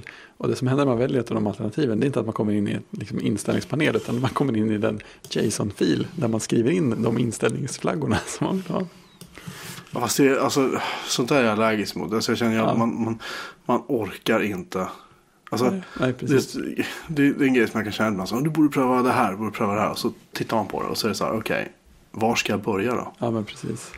Ja, då måste du googla och så måste du ta fram och så måste du hitta det här och lalala och ett Ja, men tre, fyra. precis. och Det, jag- och väl jag- sån här, det här kan bli perfekt om, om det är så att du har en, en vision och ett driv att göra exakt som du vill. Men, men om jag bara vill ha något som funkar då, vad gör jag då? Nej, men då, då ska du kanske ha ett annat program. Okej. Ja, och det är därför jag gillar uh, Byword. Är så här, antalet preferences i Byword är så här. Jag vet inte om du har sett den på macken. Men den är... Alltså, Preferences så ska man gå in så kan man säga så här. Bra, vill du ha svart bakgrund eller vit bakgrund? Och mm, ja, motsvarande text då. ja, precis. Ja, och sen så kan du säga vilken font vill du ha, vilken San Francisco 17 punkter, Menlo 15, 15 punkter. Så kan du välja andra om du vill ha det. Default text format, markdown eller rich text. Ja, Det är allt. ja, just det. Och sen ja, finns det däremot då ska du göra en massa export. Det finns publiceringsfunktioner man kan publicera till Wordpress bland annat. Uh, Evernote, Blogger, Tumblr, Medium. ja. Jag använder en mycket enklare eh, editor ett tag som heter Write Room. Mm. Ja, här- den, den har jag också kört. De Ja, det är IA, vad heter de? IA, vad heter de? Ja, Nej, de de, har väl- nej, förlåt. Det är olika, men de, de är väl samma, samma andas barn på något sätt. Ja, Så här, skriva, skriva så här rent och distraktionsfritt. Och, ja, det låter skitbra teorin kan jag säga. Ja men precis, det är, jag är också så här, jag är helt, helt såld på, på idén. Men eh, så här, i praktiken så är det närmast jag kommer när jag skriver i text på, på iPaden. Då kan jag tycka det är ganska trevligt att sitta så liksom, med en sak framför mig. Ja, man vill ju oftast inte ha mer uppe ändå på en iPad. Men, men jag kan, jag kan, jag kan, nej jag håller med dig. Jag, tycker att det är, det var en så här hipster, Ja, brist, på bättre ord, så här hipster-våg. Kommer du ihåg den här sajten Minimal Mac när den fanns? ja har- ringer en svag klocka. Han hade som, ta- han hade som tagline så här, What we believe in. Jaha. Och det, var liksom, det skulle vara minimalism. Det skulle vara liksom distraktionsfritt. Det skulle inte vara några ikoner på skrivbordet. Det skulle inte vara någon, det skulle vara så clean så det var liksom, det var, det var liksom kliniskt. Clean. Fram, ja, brist på bättre svenska. Och det var kul i början att läsa. Jag kunde liksom känna att den här minimalismgrejen tilltalade mig till en viss gräns. Ja men så är det absolut. Men sen gick det överstyr. Och det var ju ett samband, vill jag minnas, med allt det här som att eh, de här eh, editorerna började komma. IA Writer hette den första tror jag som kom. Just det. Eller bland de första, ska jag säga. Från eh, de här IA, någonting, någonting vad de heter. Ja. Eh, de är väl japaner eller sånt där tror jag. Jaha. Ja, jag köpte i alla fall deras Wordpress-tema som är helt omöjligt att jobba med. Helt omöjligt att konfa. Det är en annan femma. Ja. Eh, Men jag minns Writer, det tyckte jag var schysst. Och sen så... Jag minns jag testade Writroom också. Ja, ja, men Jag minns det- inte. Den- jag fick någon sån, här, någon, sån här, någon sån här bandelpaket. Du vet, när man köper Ja, fem mappar för, för inga pengar alls. just det. Den, där ringer en klocka. Ja, Eh, och den jag tror jag inte heller jag blev så fruktansvärt kär. Men det jag gillar med Bioware tror jag var just att den var väldigt elegant och väldigt, den är snabb och den synkar bra och det, det bara funkar liksom. ja men precis. Och det, och det är ju något skönt med att ha, hitta sig ett program som man, som man kan ha där och installera överallt. Det är en del av grejen med Sublime för mig. Att jag har, nu har jag det på alla ställen. Och jag, vet, jag börjar lära mig hur det funkar och sådär. Alltså det var ju först, Bioware är bland det första jag installerade på alla datorer. Mm. Som jag har, alla mackar och ja, framförallt mackarna. Ja, det är det med Sublime också. Fast Sublime får man jobba lite för att få det dit man vill. Även från start. Så här, ja, Okej, vilken, vilken syntaxhantering vill du ha? Mm. Men, men det är mycket, jag, jag tror inte att jag skulle använda Sublime om jag inte programmerade en del. För sådana funktioner är den ju väldigt bra på. Ja, jag, kan, jag, är inte riktigt, jag är inte riktigt där om man säger så. Nej, Programmeringsmässigt då. Men eh, jag inte, hade jag programmerat så hade jag väl kanske suttit med jag vet inte vad jag hade använt. BB-edit kanske. Aldrig kört. Nej. Ska jag villigt erkänna. Jag, Nej, jag, jag jag, heller. har sett det någon gång. Men jag liksom inte alls. Jag vet inte, det var inte min grej. Ja, men jag vet att Gruber de hyllar det där förbehållslöst. Ja, han har ju jobbat- han har ju jobbat Ja, ja, ja, precis. Men jag kunde på något sätt bara känna att. Det är, det är samma som det där textmate som de pratar om. Är inte det där man kan typ så här ha shortcuts i saker och ting som matar den in. Det, heter den text? Jo, Nej. te- nej, text expander tänker du på. Text expander, tack. Men så, så där kändes det att ja, men det är väl en bra idé, men, men man ska verkligen behöva sådana grejer för att det Ja, ska vara verkligen. kul, Jag, kan liksom. känna, jag har ju faktiskt oftast tid att svara på de, de mejl som är värda att svara på som jag får. Ja, det är samma här för det mesta i alla fall. Alltså att man det handlar mer om att ta sig tid Ja snarare. men exakt, det är det är ju inte det där att just att trycka in, tryck, göra knapptryckningarna för att få dit orden. Det är ju inte det som är besväret. Nej, eller hur? Och liksom, det är ju inte så att något så här genvägsprogram kommer göra det snabbare och enklare för mig att svara på mail. Tvärtom, liksom. Det kommer ju bara bli, bli ännu värre. Ja, om, visst. det, om, det, om det lägger sig i. Men så att nej, eh, det är, ju en hel produktivitetsdiskussion egentligen vi skulle behöva ha tycker jag. Ja, Just om hur man faktiskt jobbar, om, ja, jobbar om sånt, med sådana grejer mer praktiskt. Liksom, för att mitt, mitt arbetsflöde, jag skulle inte ens vilja kalla det för arbetsflöde. För det, det är bara total... eh, Anarki. Ja men det är liksom. Det, är- alltså jag, jag har ju. Nu har jag ju faktiskt. Fallit tillbaka till Apple Mail igen. Tyvärr. Jaha, Eh, vad hände? Ja, nej jag bytte dator och sen har jag bara. Liksom, det har Ah, inte blivit av att jag installerat det. Jag ska Ja. göra det. Ja, det är också en sån där svår grej med att ha ett så här specifika program inställda. Så där, när man byter maskiner. Så, jaha, hur, hur jobbigt eller lätt är det att få in det här på samma sätt som jag vill ha det på ett annat ställe? Eller är det lättare att bara falla tillbaka på det som finns? Det, det, det här det bara blev. Ja. Liksom, det har Ja, liksom det- inte blivit av att jag ska fixa till det. Men det, det ska jag se om jag hinner göra det ikväll faktiskt. Jag, jag känner att det, det är dags. Mm. Men eh, för Apple Mail är inte en favorit. Nej. Eh, fortfarande. Ja, vilket av, Eh. är det det som, som du gillade bäst i testet som håller fortfarande annars? Ja, det är det. Jag tycker att den var... Ja, jag gillar den Mm. skarpt. Mm.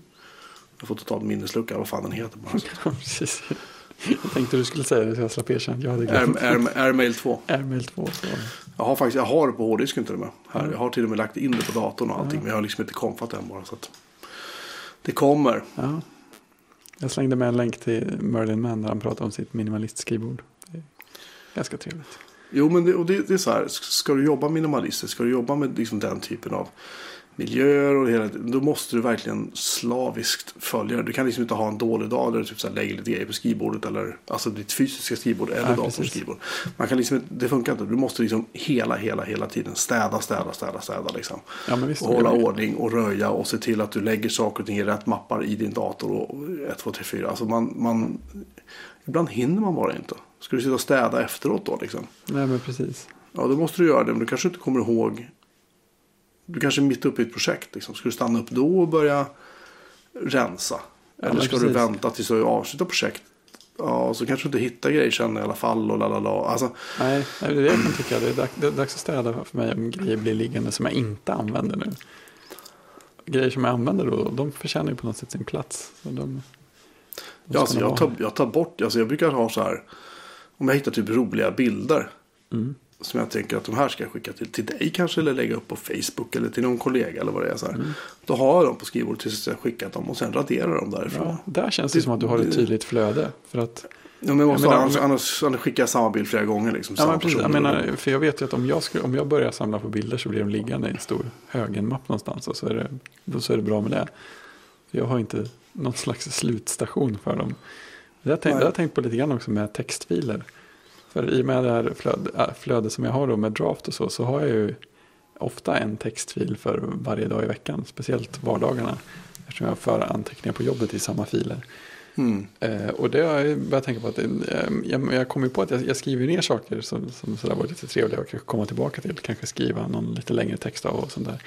Men jag har, jag har inte den vanan att gå tillbaka och titta igenom de där filerna speciellt ofta. Så där har jag något kvar att göra. Som skulle kunna vara lite roligt för mig själv i alla fall. Ja, alltså det, känns, det känns liksom inte som att mängden information är egentligen problemet längre. Det handlar om att hitta, Mm, det är ju så. hitta liksom vad, alltså, information du faktiskt redan har. Ja, Snarare än att s- liksom samla på sig mer information. Alltså, nej, precis. jag, jag att jag har mindre och mindre grejer liksom lagrade på, på min dator längre. Så jag har, Mm. det ligger självklart på datorn också, men annars ligger det typ i, i OneDrive eller i Dropbox eller någonting. Alltså det är i mailen allt för ofta har jag upptäckt. Ja, men det, det är det, är liksom, det, det, upptäckte jag liksom, det kanske det, det kanske är det bäst, tyvärr det bästa sättet för mig att hantera information. Det är att det ligger där, då kan jag gå in och söka på det. Men då, då vet jag att det ligger där. Ja. Då går jag liksom inte in i Spotlight och söker det på min Mac. Eller, Nej, då vet jag alltid att det är dit jag går. Sen kan jag ju själv, ja, Spotlight kan också hitta grejerna i e-mailen. Det är jag medveten om. Men då kan jag få upp en massa andra dumma träffar som, som gör att jag måste gå igenom dem först och leta. Det- ja, Spotlight alltså, är det- så, så dåligt på, på sånt. Oväntat dåligt på vissa grejer. Jag tycker att den skulle lära sig lite mer. Ja. ehm, Så där som, som att när jag skriver, skriver datum på ett visst format så är det alltid, alltid de där markdown-filerna jag vill till. mm. Inte ett mail som råkar ha det datumet i, i sig. Ja, jag, jag, ja. jag tycker Spotlight en gång i tiden var bra. Så när det kom så var det så här. För, för de behov vi hade då. Ska jag säga. För nu har ju, alltså, de har gjort det. Känns som att de har utökat det och försökt vara duktiga. Men samtidigt så har de ju kanske ändå förstört lite grann. Alltså, ja, men det känns som att de vill ju utveckla det åt ett annat håll än jag vill det. ja, Får jag för mig. för mig räcker det med att söka på Ja, men de vill ju lite mer filnamn eller subjektrad i ett mail. Eller ja, innehållet i mail är lugnt. För det mesta det är ju klartext och det är ju enkelt. Ja, Liksom. men Men- precis. Innehåll gillar jag. Men, men eh, jag vill nog att den anpassar sig lite mer efter vad jag brukar söka efter. Jag Jag vill inte- inte, jag- det här momentet att komma så här med, med, med tips från iTunes eller Ja, Kartan. vad, eller vad, vad- är det, vad är det för otyg som har dykt upp nu? Ja, Går det att stänga av? Jag har hört att det ska gå att stänga av någonstans. det, det låter ju fantastiskt. Jag måste undersöka det. Ja, men sen också så här, jag menar, den, den söker i typ cachefiler eller cache-katalog med cachefiler och sånt där trams liksom. Ja, visst. Men vad, alltså, varför då? Ja, var, var kom det ifrån? Vad, vad, ska, vad, vad ska jag ha för nytta av en, en cachefil från en webbläsare som innehåller kanske typ nå, nå, bara en, en viss sträng liksom? Ja, Alltså, det är lite fascinerande att det dyker upp sådana grejer som jag, jag förmodligen inte ens kan navigera till i Finder utan att använda typ gå till mapp eller något sånt här visa dolda grejer. Typ så. Äsch. Om bara datorerna var lite roligare.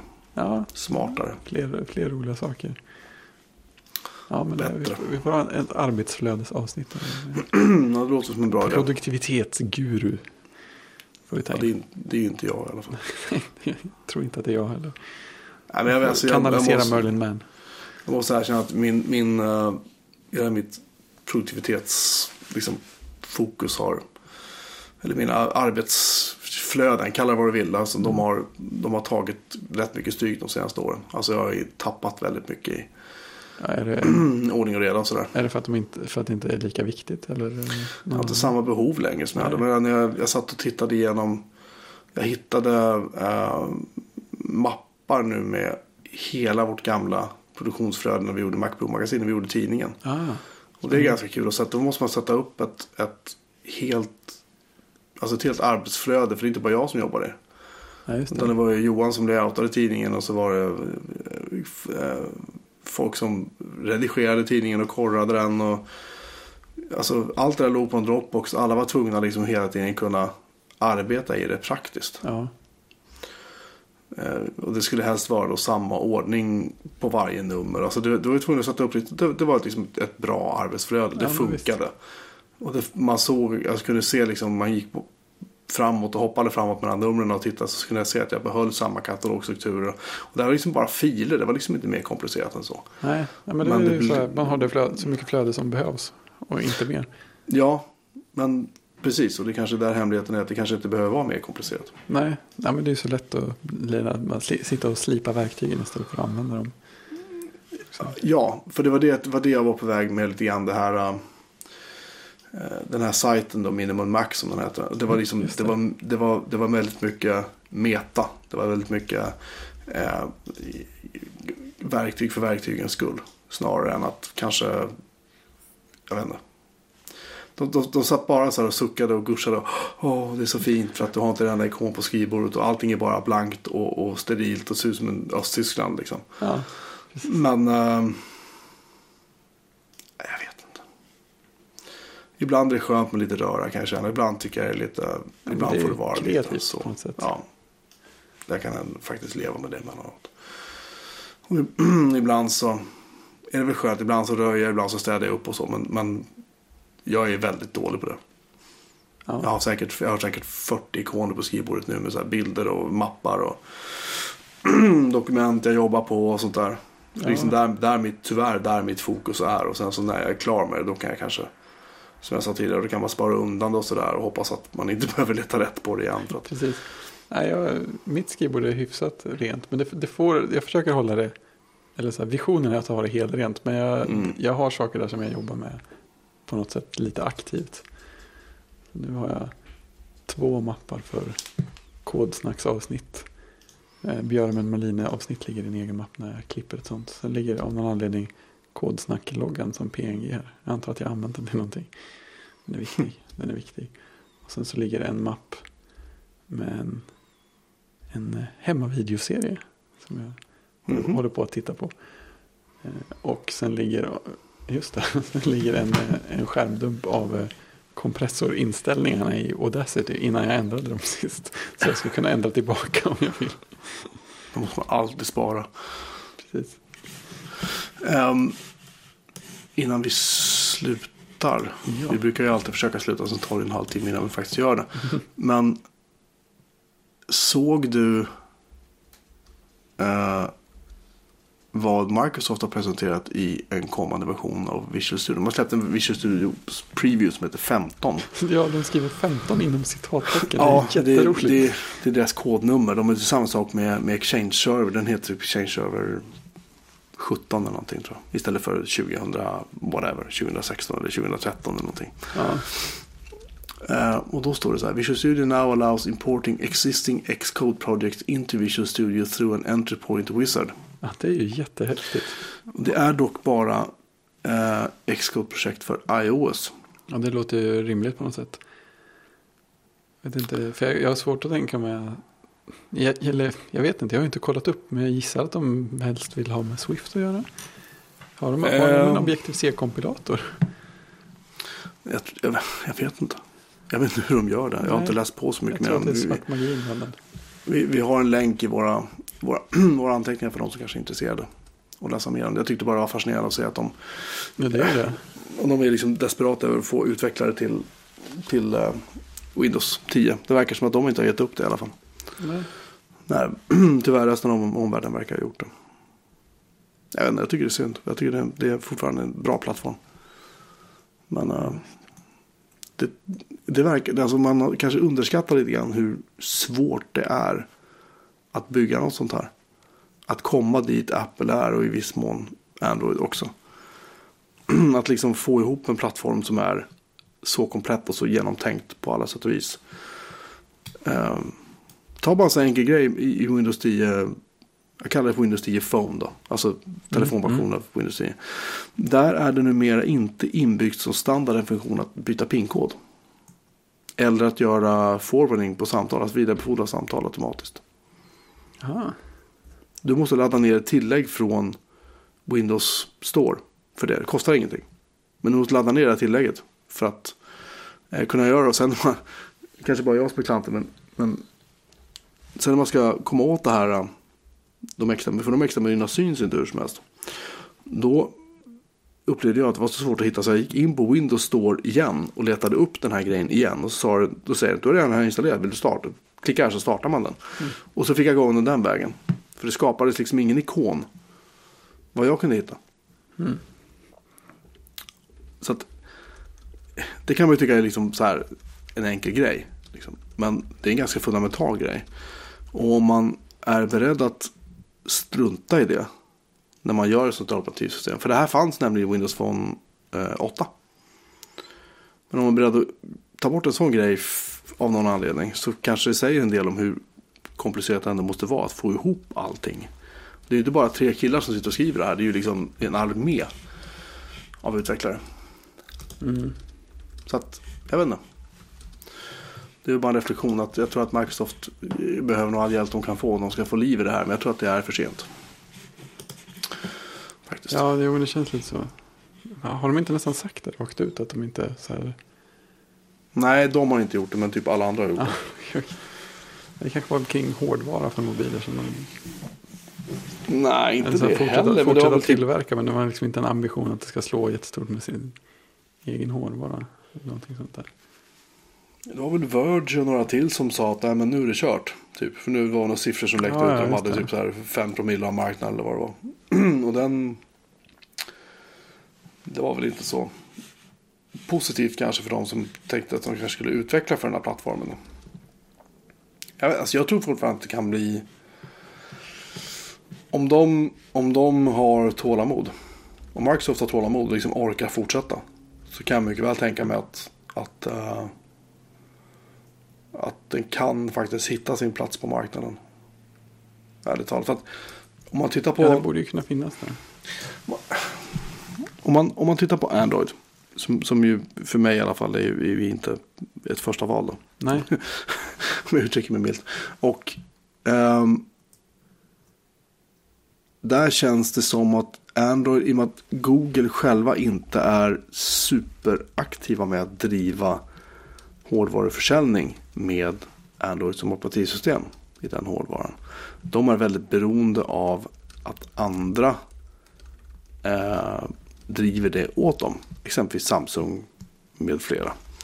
Men ponera då för ett ögonblick att Samsung är någon annan. HTC är ett bra exempel. Det är att HTC lägger ner, slutar jobba med Android. Kanske kör Windows för att få pengar från Microsoft för att göra. Eller kanske går i konken eller vad det än må vara. Um, och det kanske är fler på sikt som kanske börjar tappa. För tittar man nu på Uh, vi ska inte dra för stora växlar på det här att Apple inte tjänar lika mycket pengar som förr. Ja, just det. Uh, för jag tror att Samsungs mobildivision drog in så här 3 miljarder dollar säger vi. Och Apple drog väl in, vad var det, 11 eller 13 miljarder dollar Alltså, under samma kvartal. Och sen att Samsung då säljer så här typ två, tre gånger så många telefoner som Apple. Mm. Det, det brydde sig ingen om, men att det är Nej. intressant att ta med. Men det jag menar är att det är pengarna som styr. Och säg att den här marknaden skulle, säg att marknaden är mättad då. Ja, Det är kanske där vi är. ja Det precis. kanske, det kanske, det kanske är så enkelt att, att just nu är folk inte så sugna på att köpa telefoner på ett tag. Ja, men det, är, vet det är liksom. fullt rimligt. De håller ju länge nu. I alla fall på vissa marknader. Ja, precis. Och då handlar det om helt plötsligt vem som är finansiellt mest uthållig. Och det är ju givetvis då självklart Apple. Mm. Samsung har haft det tufft rätt länge nu. Ja, De tjänar väldigt, fortfarande pengar på andra områden. Ja, men det är väldigt stora Ja. svängar där känns det. Det är det verkligen. Och HTC som vi nämnde tidigare, de är ju ganska ja, uträknade typ. Ja. Alla gäspar. Ja, Jesper. Eh, Klockan, är snart jag 11, klockan är snart 23 här. Ja, Eh, är vi ska försöka mycket komma till någon sorts, vi ska komma till sorts punkt i den här utläggningen. Vad jag menar är bara det att Microsoft då som har en väldigt liten marknadsandel. Men har väldigt mycket pengar. De kan ju bara bli större. Ja, det är sant. Det är de andra som har någonting att förlora. Ja. Det är det är en, det är en, det är en psykologisk aspekt i det hela. Men om Microsoft lyckas få, kan visa för utvecklare att det är faktiskt inte svårare än så här. Ni gör så här, klick, klick, klick, ändrar några rader här och där. Och titta, där är en iOS-app, nu körs den på Windows Phone. Mm. Det kostar inte någonting, de programvaror, alltså Visual Studio kan de säkert få gratis. Kanske, jag vet inte. Ja, men det, det, Det kostar absolut. Det. Ehm, och de kan säkert få, få tag i en Windows-telefon jättebilligt från Microsoft för att testa på. Ja. Eh, för så, det tycker nog Microsoft är en jättebra idé.